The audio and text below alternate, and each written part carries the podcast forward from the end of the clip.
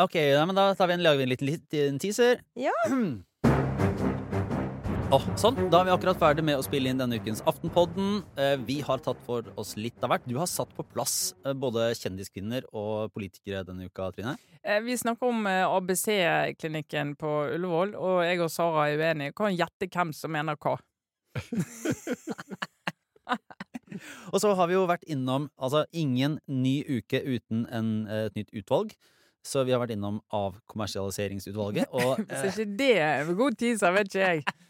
jeg merka det underveis her. Det var kanskje Det er ikke et sånn tabloid inngangsord, men, eh, men det er Utredningsinstruksen blir nevnt. Ja, ikke sant? Opptil flere og ganger. eh, det er en interessant politisk eh, konflikt som ligger i, i kjernen av det. Uh, og så har vi hatt et lite filmhjørne. Ja, vi absolutt. Vi har vært og sett på filmer, mange av oss. Uh, kommer med både anbefalinger og litt skepsis, kanskje. Ja, i hvert fall det, Alt anbefales ikke for alle.